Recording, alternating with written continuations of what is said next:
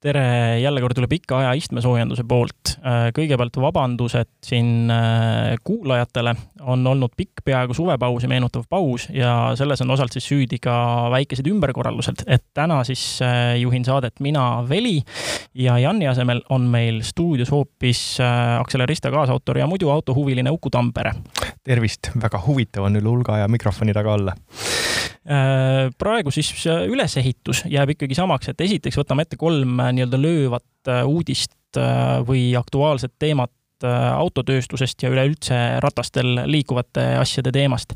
et esiteks juba palju räägitud Rimachi ja Volkswagen AG vangerdused, et on siin spekuleeritud küll seda, et Porsche ja Rimac hakkavad tegema koos hulle asju, on spekuleeritud seda, et Rimac saab Bugatti endale ja nüüd nii läkski, Rimac äh, on äh, võtnud üle Bugatti ja hakkavad tegema koos igasuguseid toredaid asju, äh, loodetavasti toredaid, et selles mõttes, et selle valguses, et Rimac on võtnud nüüd hiljuti avalikustanud oma täiesti ulmelise hüperauto Nevera, mis ju kas või nullist sajani läheb alla kahe sekundiga, siis noh siit võib tulla põnevaid asju, sest Bugatti siin Volkswageni kontserni, ütleme, mainebrändina, mis peaks esindama kõiki tehnoloogilisi edasiminekuid ja saavutusi, äh, kindlasti võiks lõigata sellest partnerlusest ka väga palju kasu, et Äh, Rimachi esindaja Mate Rimac, kes alustas siis firmat põhimõtteliselt nagu noh, mitte keldrist, vaid siis ütleme kuurist üksinda startup'ina, siis äh, noh, ütleme, see on äh, päris, päris hea töö, mis on nagu tehtud. ta on teinud õigeid valikuid, sest et kui põhimõtteliselt ühe mehe startup ostab Bugatti ära, siis, siis peavad need õiged valikud olema. ja no teine asi on muidugi see, et et see startup sai ju päris kiiresti väga ihaldusväärseks, noh, tähendab, tootis väga ihaldusväärseid tooteid. põhimõtteliselt sellest mm -hmm. hetkest, kui nad tulid, kõik tahtsid neid. jah, täpselt ja neil on kõik need lahendused äh, viitavad ka sellele, et äh, tegu saab olema ikkagi sõitjale orienteeritud autoga, ükskõik, et jah, okei okay,, need on, äh, need saavad olema ilmselgelt väga piiratud ja väga kallid. samamoodi nagu saavad olema ka tulevased Bugatid, aga selles mõttes see elekter nagu Bugatile on noh, see on vägagi ootuspärane tee, vaadates, kuhu ka Volkswageni kontsern ise liikumas on, on ju. kas just ootuspärane, aga paratamatus kindlasti jah, noh, põhimõtteliselt siin kõik Volkswageniga siuksed vähegi ähm, ütleme, silmapaistvamad ja kõrgema taseme brändid nagu näiteks Bentley on ju ka minemas elektriteed, et et kõigil käib see nagu kuidagi väga kiiresti. et selle koha pealt äh, mind igatahes väga huvitavad, millega Bugatti ja Rimac siis koos välja tulevad, mis äh, noh, sest selge on see, et see, vana ta nüüd on, peaaegu viisteist aastat äkki või, see kaks siis V kuusteist, mis Veyroni ja Chironi on liigutanud, et noh, eks ta selles, selle koha pealt nagu mootorite maailma mõttes äh, juba veidike iganev tehnoloogia ole, et jah, nad võlusid sealt selle veidi alla kahe tuhande hobujõu välja või mis see Chironis oli vist mingi tuhat seitsesada äkki. ja noh nüüd ongi selge, et mingit uut jõuülekannet on tarvis. ja siis sinna kõrval ongi Rimachi nii-öelda demonstratsioon, milleks elekter võimeline on, et paljud teised autoajakirjanikud on kommenteerinud ja väljendanud, et see on lausa naeruväärne, mida see uus mudel suudab. ja noh, miks mitte seda siis nii-öelda naeruväärselt fantastilist äh, uut elektritehnoloogiat panna senise sisepõlemismootori tipptehnoloogia asemele, eks ole. jaa, täpselt. et noh, siin on äh, räägitud küll, äh, kui vaadata entusiastide sõnavõtte kus iganes kommentaariumides ja autogruppides, siis on, et oh, mis see Bent- või mis see Bugatti, maksta miljoneid selle eest ja siis sa võtad ja umbes mis iganes Civicu K24 mootori ja paned sinna jõhkralt suure turbo külge ja siis see sõidab sul, kiirendab sul sama kiiresti ja õiged ülekanded ja sõidab sama tippkiirust ka, et noh, see ongi see, et ju Bugatti tegelikult võttis eesmärgiks laduda kokku siin kõik äh, insenertehnilised tippsaavutused ja luua masin, mis on äh, võimeline liiklema oma tippkiirusel põhimõtteliselt väikse varbaga roolides ja teha seda ülistabiilselt ja jõudma sinna lineaarselt ja noh, ühesõnaga selle koha pealt äh, see Rimachi asi on tõesti nagu äge, et et, äh, et neil on ju sinna ähm, Neverasse ka erinevad äh, sõidurežiimid sisse kirjutatud, mis võimaldavad ka kindlasti rohkem lustimist näiteks kui, äh, kui seniste Bugattidega ning lisaks ka see veoskeem ja veojõu jagamine, et imiteerivad siin piiratud libisemisega diferentsiaalide tööd ja nii edasi, on ju. ma näen, et see on igal juhul üks selline põnev Äh, asi, millest tasub nagu tulemusi oodata, et sellest äh, kahtlemata võidavad kõik osapooled. aga ennekõike läheb mul küsimus nagu sinnamaal, sinnapoole, et, et kui nüüd äh, praegu Rimac ostis ära enamusosaluse viiskümmend viis protsenti Bugatist, et siis mis järgmiseks, et kas ta hakkab sihtima Porsche poole näiteks?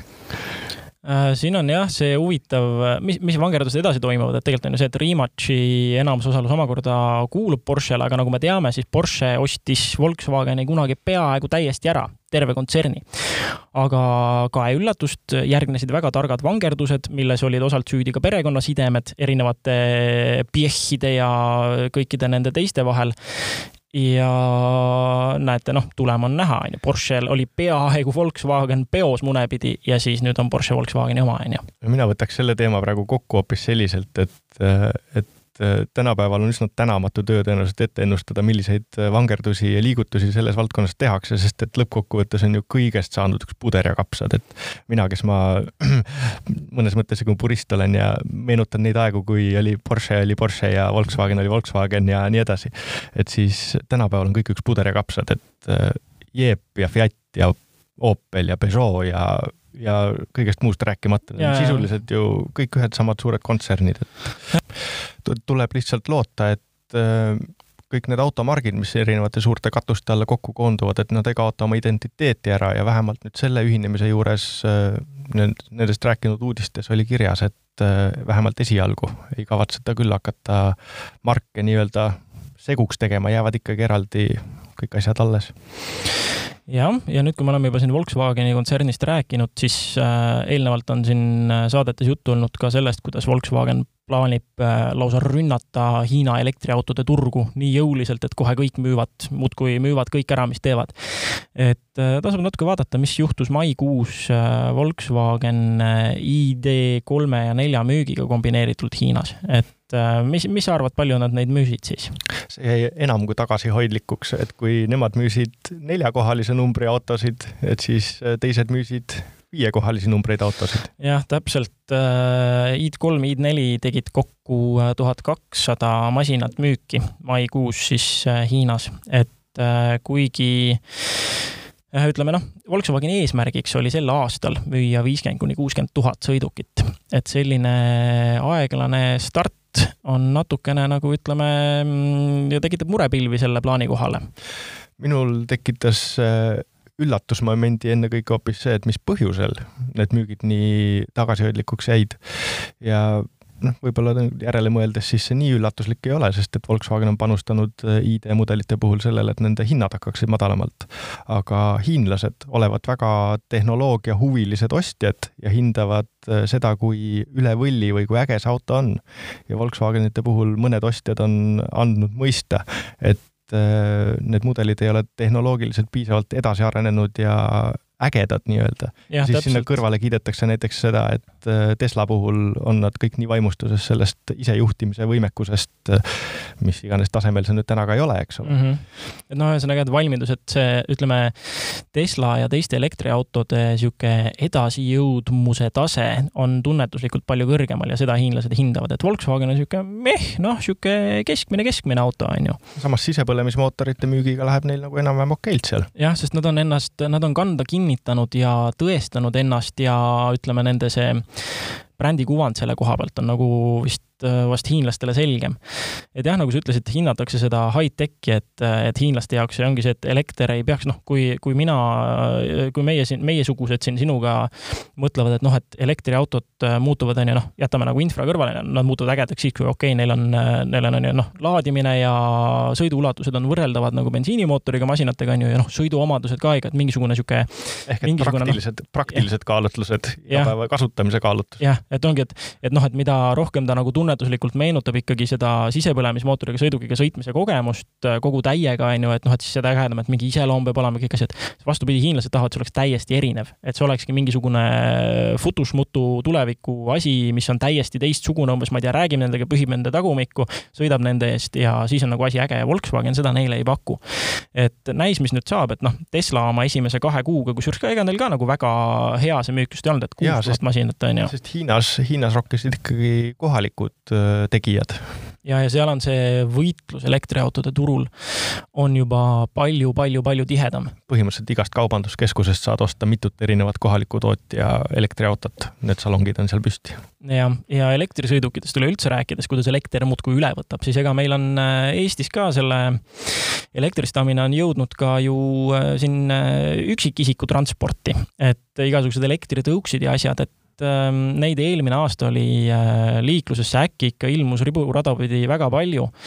ja huvitav asi, kui me räägime statistikast, on see, et äh, mida eelmise aasta puhul täheldati, et äh, äkki läksid jõhkralt üles jalakäijatega juhtunud liiklusõnnetused ja sel aastal seda, seda trendi enam nagu ei märka. ja mis siis muutus? muutus loomulikult see, et selle aasta jaanuarist on nüüd kergliiklejad oma erinevate tõukside ja tasakaaluliikurite ja muude asjadega ka siis juhid enne nad olid jalakäijad ja sellest ka see, sellest ka see tõus, et tegelikult meil on kuigi siin noh, siin on tulemas või on juba alanud jälle see Roolis ei loe projekt, kuhu me ka Accelerista autoritega hakkame lugusid kirjutama, siis noh, seal on erinevaid pärimisi nende tõuksijate ja kõigi kohta plaanis päris palju kindlasti ka seadusandluse koha pealt, aga praegu tegelikult isegi võiks öelda, et see on noh, see on juba tore, tore sihuke edusammuna kirja minev asi, et, et nad on nüüd juhid, nad ei tohi seal lenksus enam näiteks nutiseadet näppida, on ju, see on karistatav. noh, kui me karistusest räägime, siis see on muidugi naeruväärne, aga see on jutt teiseks korraks. vaat kui toredalt saab jõuda Volkswageni probleemidest Tallinna linna liikluse probleemideni, eks ole. et aga see on see koht, kus tuleb küsida, et et, et tõstke käed üles need, kes eh, ei ole märganud mingisuguste lollustega silmapaistvaid elektritõukerattaid Tallinna linna vahel ja noh, ka mujal linnade vahel. tõenäoliselt neid käsi väga ei tõuse, sest eh, nii kui sa Tallinnas natuke ringi vaatad, siis on olemas kas kihutavad tõukerattad, kas tõukerattad, kus peal istuvad kaks inimest, eh, kas on keegi käna pannud selle tõukerattaga või siis noh, loomulikult üks täiesti omaette probleem on ka see, et äh, nii-öelda ära kasutatud tõukerattad vedelevad pilla-palla mm -hmm. iga nurga peal. ja, ja see ongi, ühine näitaja on see, et äh, mulle tundub, et see on mõnes mõttes nagu intelligentsustest, et, äh, et see tõukeratas justkui nagu toob välja inimeste selle mingisuguse loomalikuma poole, et ja, astutakse ja. selle kahe ratta selga ja järsku ei osata mitte midagi. ütleme, siin on, siin on see natukene küünilisem osa minust ütleb, et jah, noh, las loodus siis teeb oma töö, aga jällegi, no mis hinnaga, onju. aga noh, kui me räägime siin ohtlikest olukordadest, mis on silma jäänud, kasvõi viimase kahe nädala jooksul ma mõtlen, et äh, ongi, see on umbes viimased kaks nädalat. Mina olen näinud äh, kolme ohtlikku situatsiooni elektritõuksidega. üks oli reaalselt, noh, ta tundus sihuke tiineka ohtu poisike, Kristiine Ristmik äh, kesklinna poolt tulles. no see osa, kus sul on reaalselt, sul on, on ju noh, tegelikult seal vist kohtuvad siis viis teed isegi või. ja mul oli juba sügav roheline sõidame, sõidame, noh, autode liiklustihedus ei olnud nagu väga suur. ja siis vasakult tuli väga hea hooga üks äh, elektritõuks. Äh, minu siis ütleme, ees paremal rajal olnud auto Äh, sõitis ja sai tõuksil nina eest läbi. tõuks tuligi lihtsalt pidurdamata, tuligi üle ristmiku lihtsalt, sel ajal, kui autodel oli sügav roheline. ja parem minust ees olnud auto siis pani mööda, mina pidin juba pidurdama, minu kõrval olija pidi pidurdama ja tõuks pani meie eest läbi. ja kusjuures mul tekkis selle juhiga veel ka silmside ja noh, kõrvalt kõike seda vaadates oli niisugune tunne, nagu ta ei teaks, kuidas sellega pidurdada. Nagu see hakkas lihtsalt äkki nagu kontrollimatult minema ja tema oli, tema oli seal ainult reisija ja ei saanud mitte midagi teha, niisugused nagu abi otsivad silmad olid natukene peas teine ohtlik situatsioon oli noh, juba natuke naglam tüüp Stockmanni ristis. lasi lihtsalt ka üle niimoodi, et oli noh, kõrvaklapid peas ka veel, nii et ta ei kuulnud ka seda, et ma andsin talle signaali, ta isegi ei vaadanud mu poole. jällegi lihtsalt tuimalt lasi punasega suure hooga üle. ja kolmas situatsioon oli nüüd paar päeva tagasi õhtusel ajal lihtsalt sõitsin ja vaatasin paremat kätt tuleb vastu siis mööda kõnniteed suhteliselt hea hooga elektritõukeratas ja äkki ta hakkas seal midagi vibama. ma mõtlesin, et ta teeb nagu noh, äh, teeb nagu lihtsalt mingit äh, slaalomit või midagi, üritab omal olemist põnevamaks teha. aga mingist hetkest tuli selge, et äh, ta enam ei omanud päris asja üle kontrolli, ütleme, see hetk oli see, kui ma nägin ka samuti abi otsivaid silmi, seda, kuidas, noh, sa oled näinud kindlasti, kuidas mootorratastel juhtuvad tänksläpperid, on ju. see, kui mootorratas hakkab kas mingi hüpeka või asja tõttu, kui rattad uuesti maha jõuavad, rattad on üksteisest väikse nurga all ja ta hakkab raputama vägivaldselt. ja kui nüüd juht seal ennast nii-öelda lõdvaks ei lase, siis ta lendab sealt pealt minema, kui ta üritab kontrolli alla saada. see oli umbes analoogne. lenks hakkas vibama, tüüp hüples, lendas vasakule-paremale ja siis litaki peaga piki kiviseina suhteliselt hea hooga. oota, me oleme, me oleme naernud selle üle, et vahest kasutati sõnastust, et äh, sõiduk, äh, sõiduk äh, kaotas kontrolli mm,. et siis, kui autode kontekstis on see, et tegelikult kaotab ju juht sõiduki üle kontrolli mm, -hmm. siis mhm. nende tõukerataste puhul me saame ikkagi rääkida seda, et äh, sõiduk kaotas kontrolli. ja, ja, aga noh, jah, põhimõtteliselt oli see, see oli, kusjuures seda oli kõrvalt ikkagi, no seda oli juba väga vastik vaadata, ma jäin seisma, vaatasin, tüüp ajas end püsti, suunasin ta tema prillideni, mis olid lennanud kusagile kaugele, vaatasin, et kõik oleks okei okay,, et tal on, noh, ta seal jah, seisis korra posti najal püsti, kogus ennast ütles mõned niisugused üllatunud roppused, katsus oma pead ja noh, olles veendunud, et tal on olemas telefon ja kui tal midagi hullemaks läheb, et ta saab helistada kiirabisse, siis ikkagi ma nagu jätsin ta seal oma asju toimetama ja edasi sõitma vaikselt. aga no ikkagi päris rets oli seda kõrvalt näha, hoog oli hea, noh, see, mis nende valimiste... kiivrit loomulikult ei olnud? ei olnud. see on üks probleemidest sellega seonduvalt. ja samas on nagu see, et kuidas sa lahendad nende tõukerattarentidega ka selle, et sa saad nagu seal ütleme, esteetilisel äh, kujul ja puhta kiivri või kannadki kogu aeg, kogu aeg enda oma kaasas siis või? et see on. mina arvan, et nii-öelda vastutustundlik inimene peaks ise seda kiivrit kaasas kandma, kui ta teab, et ta võib hakata tõukeratast rentima. aga ma tahtsin selle, siia juurde öelda, et tõukerataste teemal võttis Facebookis äh, sõna liiklusjärelevalve keskus eelmisel nädalal mm.. ja noh, nad tõid sellesama probleemi koha välja, et äh, see oli siis äkki kuu lõpu seisuga statistika, et kakssada viisteist äh, juhtumit on juba olnud, mis mm -hmm. sisaldavad neid kergliiklejaid selle aasta jooksul, et see on tohutu number ja Liiklusjärelevalve Keskus tõi sinna kõrvale välja, et lõviosal nendest juhtudest peavad inimesed põhjuste otsimiseks nagu peeglisse ja iseendale otsa vaatama, et see on nagu see probleemi koht mm. -hmm. aga tulles lahenduste juurde, siis nüüd just hiljuti kuulasin Soome uudiseid ja Soomes üks sealne tõukerataste, kusjuures seal on probleemid universaalsed, mhm. samamoodi mm. ikka need kihutajad ja, ja ennekõike saavad tegelikult viga jalg, jalakäijad. et meilgi on olnud juhtum, kus jalakäijad saavad väga raskelt viga. noh, Pariisis sai surma isegi üks. jah, täpselt. aga et siis äh, Helsingis üks kohalik tõukerataste rendifirma proovib nüüd sellist äh, funktsiooni, et kui tõukeratas jõuab äh, teatud piirkondadesse, mis on nagu ette määratud, põhimõtteliselt nagu mm -hmm. geofencing'u süsteem. et kui tõukeratas jõuab kuhugi piirkonda, siis on tal automaatselt kiirus piiratud ja näiteks see tõuab baari juurde, kus tavaliselt on väga palju inimesi, et siis sa ei saagi selle tõukerattaga üle kümne kilomeetri tunnis sõita. et see võiks olla nagu üks lahendus, et. jah, see on kusjuures tundub väga mõistlik ja ma tean muidugi äh, väga suur osa ühiskonnast, mingist seltskonnast äh, hakkavad karjuma kohe, et õiguste piiramine, noh, me võime ette kujutada, mis osa ühiskonnast äh, see on ja kui palju nad tegelikult nende tõuksidega sõidavad, aga noh, karjuma nad igatahes pistaksid sellise asja peale, aga mina näen seda ka tõsilahendusena. no muidugi seal on siis see asi, et nii-öelda era, eratõukerattad ei ilmselt ei läheks nagu mm. sinna alla vist, sest see on ikkagi siis selle rendileandja initsiatiiv ja teha. aga katsetuse mõttes on ju väga äge kõrvutada ikkagi seda, et äh, kuidas on lood selle konkreetse rendileandja tõuksi õnnetustega pärast meetme kasutuselevõttu versus siis üldise statistikaga. see neil täpselt mõte oligi, et mm -hmm. kui piloot läbi saab, siis äh, peaks ilmselgelt statistikast välja joonistuma, et kas on jalakäijatega kokkupõrked ja üldse õnnetused vähenenud ja siis sellest tehakse edasi järeldusi. aga et kui nüüd teises suunas vaadata, siis äh, minu arvamus on selline, et et kuna tõukeratastel on kiirused ikkagi nagu nii suured, nendel elektritõukeratastel mm, -hmm. siis ah, ja siin on jällegi, ei pea leiutama midagi, et Inglismaal võrdsustatakse elektritõukerattaid motorolleritega mm -hmm. ja mhm. nad peavadki ka registris olema, nad peavadki olema ka kindlustatud ja loomulikult siis on ka see pool, et nende elektritõukeratastega sõitjatelt eeldatakse mingisugust mingisuguse juhti, juht, jah, midagi, midagi sellist juhtimisõiguse olemasolu. ja täpselt, et jalgrattajuhiload mm -hmm. näiteks. et oleks nagu mingisugune kontroll, et päris suvaline, kes liikluseeskirju ei tunne, ei saa mm -hmm. seda asja nagu võtta. ja siis teine variant on see, et noh, loomulikult me jõuaksime siit kuhu iganes välja, et lihtsalt mainimise mõttes infrastruktuur loomulikult. et kuniks meil on need toredad kergliiklusteed, mis sisaldavad ja, endas ja. kõike kergliiklemist, et siis see asi ei, ei saagi muud olla kui olemuselt ohtlik, sest et kui jalakäija ja tõukeratta kiiruste vahe on seal üle viiekordne, siis noh, see on nagu selge, et ei saa mm -hmm. ühega arvestada, teine teisega. noh, nagu Transpordiameti ekspert siin mõne usutluse käigus hiljuti ütles, et, et noh, igasuguste kergliiklejate jaoks peab olema jalakäija see püha lehm, sest et siis on tema see, kes on nagu nõrgem osapool ja ohtlikus olukorras.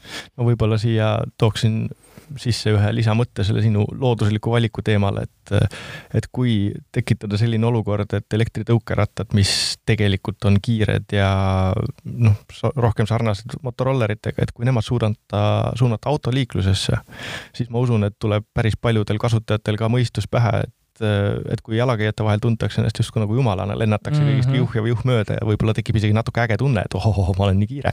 et siis autode vahel tõenäoliselt toimib see nagu äraspidiselt veidi, jah? jah, et äkki võtavad mõistuse pähe ja hakkavad normaalsemalt sõitma, aga, aga noh, selge on see, et meil on praegu nagu probleem ja ja mulle meeldib nii see Liiklusjärelevalve Keskuse otsene postitus, et mm -hmm. tuleb vaadata peeglisse ja mõistus pähe võtta, et inimesed, kui te võtate tõukerattad, võtke palun mõistus pähe ja sõitke normaalselt mm. -hmm. aga keerame nüüd äh, natukene kiirust peale ja räägime hoopis äh, selle nädala proovisõiduelamusest sel korral ei ole see meie klassikaline, mõlemad proovisime autot tänaval, vaid meil oli hoopis selline elamus, et me käisime. peaaegu võistlesime. jah, käisime uute Hyundai N-autodega Audru rajal, ühel rajaüritusel. ja uuteks N-autodeks olidki siis äh, näokergituse läbinud äh, i kolmkümmend N ja Fastback N ja siis ka uus tulija i kakskümmend N, mis, mis on siis selline väiksem kuumpära, äh, väiksem ja kergem. et et äh, kuna sul oli nagu teine kord juba käia Audrus sellisel Hyundai N-ide rajaüritusel, siis äh, kuidas nüüd tunne oli sõita näiteks kas või näokergituse eelse ja järgse i30 N-i mudeliga? no kõigepealt mulle meeldib öelda seda, et äh, natukene küll kontekstist väljas, aga i kakskümmend N, et mis ta siis on? see võib mm -hmm. olla paljudel esimene küsimus, et mis asi see on. et see on kõige lähedasem tavainimesele kättesaadav asi Ott Tänaku ralliautole ja, aga nüüd tulles sinu küsimuse juurde, et siis äh, näokergituse eelne i30 N ja i30 Fastback N mm, -hmm. tähendab Fastback N, et ähm, seal ma kahjuks ei oska nagu väga suurt erinevust välja tuua ähm,. mõlemad on tohutult kiired ja see takerdub põhimõtteliselt ikkagi sinna, et äh, minu oskused nendest autodest viimast võtta jäävad nagu väheseks. ja, ja seetõttu ma ei oska neid, neid kahte nagu võrrelda. ei saa nagu täiesti tühjaks sõidutada, onju. mul jäi nagu selles mõttes sama mulje, et et ma olin ka piisavalt roostes audrus käigust ikkagi noh, tavaliselt eks see niisugune hooajaline asi ole, et suvel satud sinna tihemini, onju, et noh, mul oli esimene kord see suvi käia. ja põhim-, jah, oli tõesti. et oli ikka tunda seda roostet instruktori sabas sõites, et ka mina väidan, et mina täiesti tühjaks teda ei, kindlasti kohe ei sõitnud. aga mis on äh, võrdluse tulemusena selge, on see, et kui ma sõitsin selle näokergituse eelse Fastback N-iga, mis mulle väga meeldis tema juures, oli see tendents, mida sa tunned ka näiteks äh, palju, sellel hetkel vähemasti palju kallima Honda Civic Type R-i puhul, et äh, nad on äh, sätitud ütleme, gaasi kergitamisest tulenevale kergele ülejuhitavusele. Sa saad parema jalaga auto suuna korrigeerimisel teha palju rohkem, kui eeldaks esiveduselt masinalt, et ja see karakter oli uuel Fastback N-il ka täiesti olemas, et sa oledki, sa oled kurvis, sa oled pidamise piiril ja sa tunned, et sa tahad joont teravamaks ja piisab täiesti sellest, et sa lased korra gaasi järsult lahti ja su saba tahab kohe nagu minna natukene, natukene väljapoole, kergelt libisema ja see lubab sul korrigeerida kurvis siis gaasiga nurka. aga huvitav on see, et ta küll kipub äh, juhi jalaliigutuste peale saba liputama, aga sellegipoolest on see nagu ma ka eelmist, nagu ma ka i30 kohta kirjutasin, et ta on täiesti lollikindel auto mm. -hmm. et isegi nii-öelda roostes juht, isegi oluliste oskusteta algaja rajasõitja, et need autod on nii andestavad, nad on nii lihtsad, nad on tohutult kiired, aga, aga nendega on ka üsna lihtne kiiresti sõita mm. -hmm. ja, ja see iseloomustab nii i30 Fastbacki kui ka i20, et nad kõik on, nad kõik on küll disainitud selles mõttes nagu rajaautodeks mm, -hmm. lihtsa inimese, tavainimese rajaautodeks, ringrajaautodeks, kõik mm -hmm. igasugused piiratud libisemisega diferentsiaalid, seadistused, kasvõi vahe, automaatne vahegaasi mhm. andmine mm -hmm. käiguvahetusel, need kõik on täiesti raja, nii-öelda rajaauto elemendid mm. -hmm ja ta on mõeldud nagu rajal sõitmiseks, aga samal ajal on ta ikkagi igapäevaselt kasutatav ja lihtne ja põhimõtteliselt sa ei pea kartma selle autoga nagu kiiresti sõita, ringraja peal, ringraja peal. jah äh,, eks seda noh, muidugi jah, ringraja peal paraku see igapäeva kasutatavus jäi nagu proovimata, aga noh, see i20 N-iga vähemasti avaneb nüüd äh, see, see nädalavahe võimalus, et äh, vast siis saame jagada ja vaadata. aga, aga laias laastus jah, noh, uuendustesse rääkides i30 N-iga nüüd see, et need on, nad on leidnud talle viis hobujõudu juurde, ta annab nüüd kakssada kaheksakümmend hobust tipuvõimsust välja. ja enam ei tehta seda, mis vanasti, mis oli minu jaoks täiesti arusaamatu käik, oli see, et vaata, nad ju jaotati äh, kahesaja viiekümne, kahesaja seitsmekümne viie hobujõuliseks versiooniks, et see võimsam oli siis performance package, mis sai siis selle elektrooniliselt juhitud piiratud libisemisega difri, äh, suuremad, kergemad väljed, äh, laiemad, paremad rehvid, noh, nipet-näpet seal igast asju oli veel, noh, mingid väljalaske paukumine, oligi vist aktiivne väljalase, on ju, igasugused asjad. ja see hinnavahe oli nii väike, et mul tekkis nagu küsimus, et kes üldse võtab mitte performance package'iga versiooni ja nüüd olen seda teinud, et enam seda lahjat kõik, versiooni ei saagi. kõik on, kõik on vinged versioonid. hääled on ägedamad, kui sellisest rida neljast turbokast oodata, nad on seadistanud ta paukuma ja plaksuma nii üles kui allavahetustel kui gaasi lahti lastes, et noh, muidugi seda saab välja lülitada neile, kellele selline lapsik lisa ei meeldi.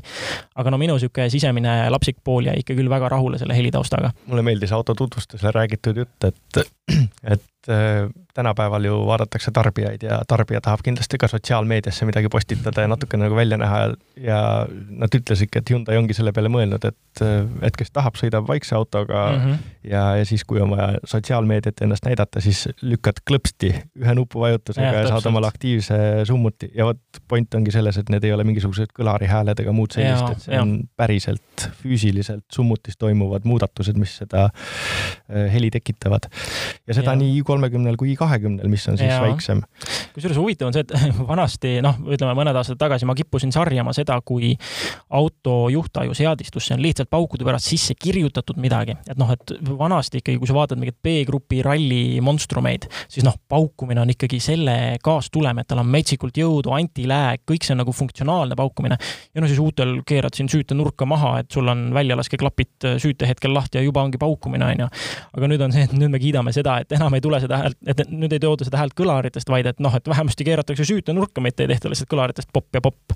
sest et sotsiaalmeedia. jah, aga kui nüüd võrrelda i30 ja i20 N-i, siis noh, äh, mina väidan või noh, selles mõttes juba koos arutades ma, me mõlemad jõudsime järeldusele, et, äh, et kui i30 N oli enne sihuke bang for buck Äh, ütleme, parim kiire esiveoline kuumpära, siis nüüd on hinnastamisega natukene selle ära rikkunud, et kolmekümne viie piirimailt hakkab see i30 N-i hind.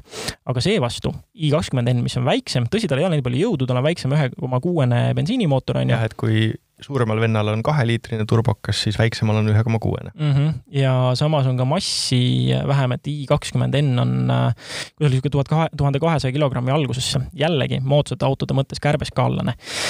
ja kui ma päris ausalt ütlen, siis äh, minu arvates see bang for buck äh, esiveolise kuumpära tiitel jääb ikkagi Hyundai'le ja selleks on nüüd i20N, et äh, ükskõik, et seal suurel rajal see i30N oli nüüd vist marginaalselt kiirem ka instruktori sõnul, siis noh, siis ikkagi mõlemad masinad hindas ta sihuke üks kolmkümmend ja natuke selle alla sõitma. et isegi kui i20N on, ütleme natukene nagu ähm, noh, ei ole nii kiire võib-olla, siis äh, lõbususega, jah, siis lõbususega teeb ta selle tasa, et jällegi füüsika vastu ei saa kurvides, ta on väga hea, ta kannab selle kiiruse palju äh, kuidagi mõnusamalt läbi, ta on palju visatavam. ta on palju nagu selles mõttes mängulisem kui see tuhande viiesaja ja natuke peale kilogrammine i30N. meie lugejad küll sajatasid siin meid selle eest, kui, kui me ütlesime, et on nagu kardirajad ja kardilikud juhitavused ja muud sellised no, asjad. see oli pikk diskussioon muidugi. aga noh, see tegelikult ongi nii, et i30N on raskem, võimsam ja kindlasti omal kohal suurtel radadel mm, -hmm. aga i20N, et kui millegi kohta saab öelda, et see on kardiliku juhitavusega, siis on see, noh, ma mõtlen autode maailmas mm, -hmm. et siis see on i20N ja, ja siis loomulikult sajatati ka selle eest, et me üldse kardiraja nagu sisse tõime võrdlusesse, aga, aga noh, fakt on see, et noh, jätame kõrvale selle arutelu, et kas autodega üldse peaks kardirajale mm -hmm. sõitma, aga kui me võtame selle fakti, et me paneme mingisuguse auto kardirajale sõitma, siis äh, ma julgen väita, et see pisikene i20N on kardirajal oluliselt kiirem ja mulle meeldib see sõna agiilsem. äh,. agiilsem kui, kui oluliselt võimsam suurem vend mm. -hmm.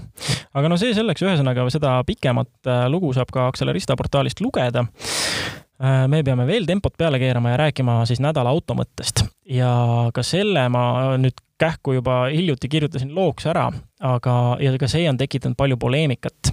aga ma ütlen ühe sellise, ütleme, titilleeriva väite ja see on see, et äh, võimsus üksinda on mootori puhul ikkagi üpris mõttetu näitaja ja see on, äh, miks ma seda väidan, on see, et äh, tegelikkuses, kui me nüüd vaatame seda, kuidas, noh, kõigepealt kõige tähtsam on alustada on ju sellest, mida, mis on võimsus ja mis on pöördemoment. ja pöördemomendiga on tegelikult väga lihtne lugu. pöördemoment on äh, tuntav noh, puristid nüüd võib-olla lausa oksendavad laua alla, aga tuntav väänamise jõud see on see, kui kõvasti väänab sul mootori väljund välja, on ju. see on see, äh, see, see on lihtsalt selline tuntav, tuntav väärtus, seevastu äh, võimsus kui selline on lihtsalt töö tehtud, tehtud töö, tehtud töö hulk ajaühikus. ehk siis võimsust arvutataksegi ju tegelikult sellest, mis on mootori pöördemoment ja millistel pööretel ta seda välja annab, ehk siis kui palju mootor suudab pöörete jooksul anda järjest seda oma pöördemomenti välja. ja miks ma väidan, et see võimsus on suhteliselt mõttetu näitaja ikkagi lõppkokkuvõttes, on see, et kui ma võib-olla, ma võib-olla toon ühe näite siia vahele mm. -hmm. et kaheksakümne kilovatine äh, Volkswagen Passat, noh küll turbodiiselmootoriga mm, -hmm. eks ole, aga see kiirendab nii-öelda see selgalöömise tunde mõttes oluliselt paremini kui kaheliitrine saja kümne kilovatine Fiesta ST mm. -hmm. ja seal on ju jällegi mängus see, et äh, noh, kui me, kui me võtamegi, vaatame näiteks kahte, mis iganes, kahesaja viiekümne kilovatist mootorit siis äh, noh, kakssada viiskümmend kilovatti ei ole tingimata sama, mis teine kakssada viiskümmend kilovatti mootor. noh, me võime siin minna ekstreemsustesse, on ju, öelda, et noh, et meil ongi, meil on äh, mootorrattamootorid, mis veoautomootorid. jah, meil on mootorrattamootorid, mis annavad välja äh, oma pöördemomenti väga stabiilselt terve pööretevahemiku jooksul ja põhjus, miks nad jõuavad selle kõrge võimsuseni, on see, et nad hoiavad seda mis iganes nende suhteliselt madal pöördemomentiga, mingi sada kakskümmend, sada kolmkümmend Newton-meetrit sellistel väga sportlikel mootorratastel, on noh, nad hoiavad seda kuni oma tipupööreteni, mis tähendab, et nad lihtsalt teevad seal tipupööretel hästi palju tööd. Nad järjest ja järjest annavad välja seda oma sama, seda suhteliselt mannetuna tunduvat sadat kolmekümmet Newton-meetrit. nüüd, kui me võtame samasuguse võimsusega mootori, mis äh, saavutab Äh, selle hoopis teistmoodi, ütleme näiteks äh, väga line-, äh, väga siis ähm, ütleme näiteks pöördemoment tuleb alguses taha, nagu turbokatel. sul tuleb pöördemoment taha alguses Äh, sul on see tõmme, see tunne, mida sa tunned, on oh, jõhker, nüüd rebib, on ju.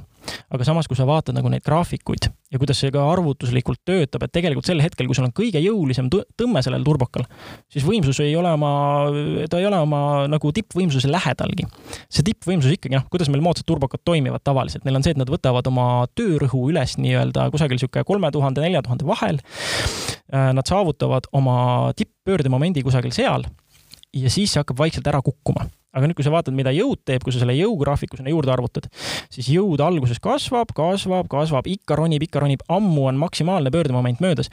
jõud, võimsus ikka ronib ja ikka ronib, juba turborõhk kukub ammu ära, pöördemoment kukub ammu ära, juht roolis juba tunneb, et igav hakkab ja aga kuna pöörded on nii kõrged äh, nüüd seal enne piirikut millalgi, siis tuleb kätte ka see tippvõimsus. ja siis on tegelikult on isegi juba kusagil enne seda tippvõimsust aeg käiku vahetada, et sa tunned, et tõmme raugeb, mul on vaja vahetada käiku, et jõuda uuesti sinna, kus ta nagu tõmbab, on ju.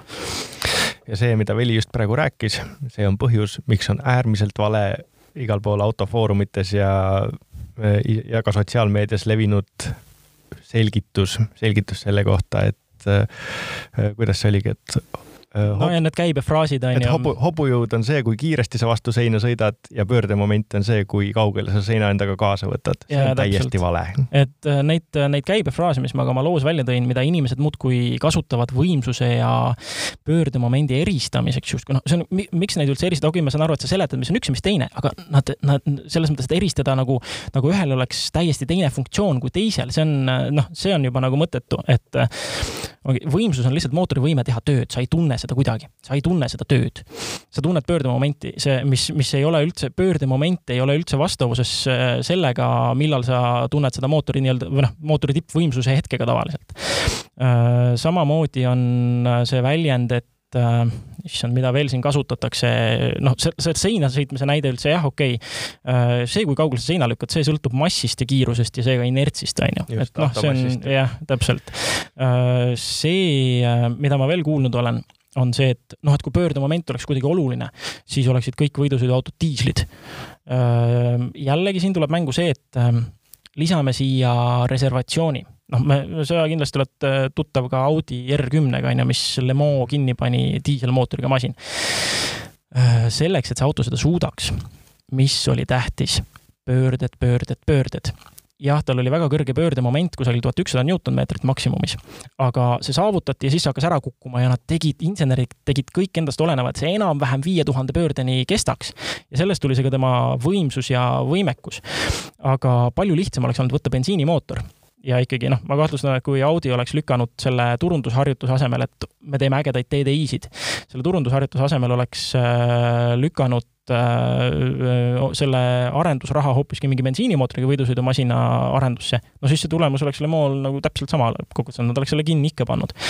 et äh, diislite puhul ongi see, et kui äh, diislil olekski väga suur võimsus, kui ta suudaks hoida oma pöördeid äh, kõrgelt noh, kui ta käiks kõrgele pöördesse ja ta suudaks oma pöördemomenti ka kõrgele, kõrgele välja hoida, aga neil kukub see tavaliselt nii varakult ära, noh, kui me mõtleme masstarbediislitele, siis äh, millal sa nendega kiirenduse käigus äh, käiku vahetad, tavaliselt kusagil juba mingi, ma ei tea, neli tuhat, viis tuhat pööret seal vahel, isegi enne võib-olla.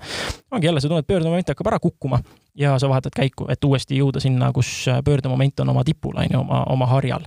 et selle koha pealt, mis, miks ma nagu ütlen, et see võimsus on üksinda ikkagi suhteliselt mõttetu näite ongi see, et sul võib olla sama võimsusega täiesti eri iseloomudega mootor, et kui me vaatleme vabalt hingavaid, siis jällegi seesama mootorratta näide on ju, ta hoiab oma pöördemomenti lõpuni välja. juht tunneb võib-olla isegi igav, noh, see on võib-olla isegi igav kiirendus tema jaoks, et et sul on lihtsalt stabiilne lineaarne tõmme, kuni sul piirik ette tuleb, on ju. ja siis sa, noh, ja siis ongi see, et aga samas see võimsuse number seal lõpupoole on ikka juba päris ilus, on ju, aga, aga kui sa räägidki sellisest lineaarse pöördemomendi graafikuga autost, sul põhimõtteliselt ei oleks isegi mõtet seda võimsuse graafikut nagu sinna dünograafikule juurde joonistada, sellepärast sa tead, et see on lihtsalt üks tõusev joon. niimoodi töötab matemaatika.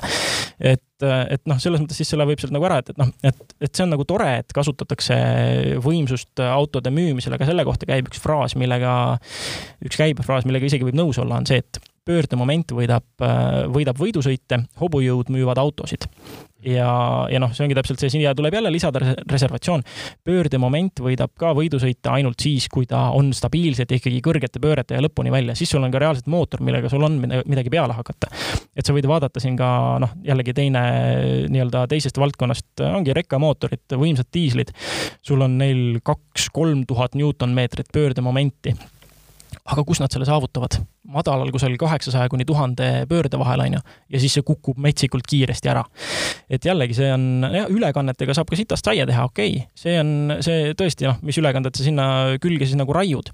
aga ikkagi see on jällegi mootor, mille iseloomu see tema võimsus kuidagi ei kajasta, sest et noh, kuna tal on lihtsalt nii palju pöördemomenti, siis mingil hetkel tõesti see võimsusgraafik jõuab seal neljasaja viiekümne, viiesaja hobuseni, kui sa vaatad näiteks Volvo siin uuemaid veokaid, on ju aga, aga see võimsus, kui me kasutame turundamisel muudkui võimsust, siis tegelikult see ei kõnele meile selle mootori iseloomust ikkagi lõppkokkuvõttes mitte midagi. kas see tähendab seda, et, et kui sul on noh, ma nüüd lihtsalt natukene nagu üritan lihtsustada seda mm, -hmm. et kui on kaks saja kilovatist autot.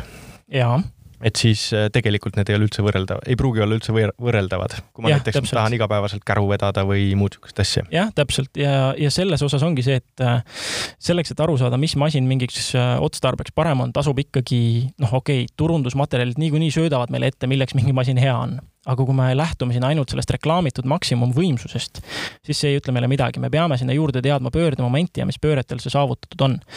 ja kui kaua see seda ka hoida suudab, on ju, see räägib meile selle mootori kasutus, kasutusvõimalustest ja sellest võimekusest rohkem. muidugi meil on, nagu me siin alguses rääkisime, on puder ja kapsad maailm nii autotootjate osas mm -hmm. kui nüüd on ka mootorite osas, et äh, täna me täna meil on võimsus üldse väga naljakas lugu, et mis elektriautodel on näiteks passivõimsuseks kirjutatud. no see on akupaki mahtuvus tavaliselt. no umbes nii jah, ja siis on veel meil hübriidid, millel on bensiinimootoril on üks võimsus ja siis on mingi kombineeritud võimsus, nii et. aga tegelikkuses on see, et need ei anna kor kordagi oma maksimumvõimsust äh, korraga samal ajal välja ja nii edasi, jälle on mingi segadus, on ju. just, ja siis ongi lõppkokkuvõttes see, et need, äh, see, ma tahtsingi nagu sinnani jõuda, et äh, täna on meil võimsuse numbreid põhimõtteliselt seinast seina igasuguseid mm, -hmm.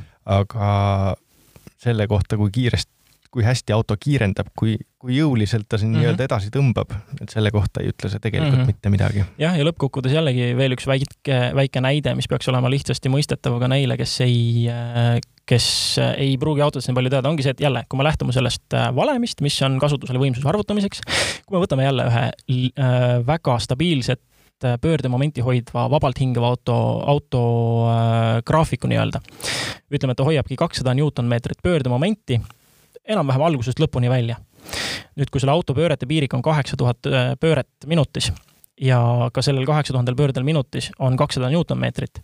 kui me nüüd lihtsalt muude füüsiliste piirangute puudumisel äh, noh, ütleme, meil ei ole mingit läbipuhepiirangut või äh, mingit mehaaniliste komponentide vastupidavuse piirangut. kui me lihtsalt saame pöörete piirikut tõsta, kas või kakssada pööret, äkitselt on meil juba võimsam mootor, aga kas sa juhina tunned seda roolis kuidagi? ei, sul ei ole tõmme, ei ole kuidagi kasvanud. tunnetuslikult on see ikka seesama kestev, väga lineaarne kiirendus, aga samas sul on nagu võimsam mootor.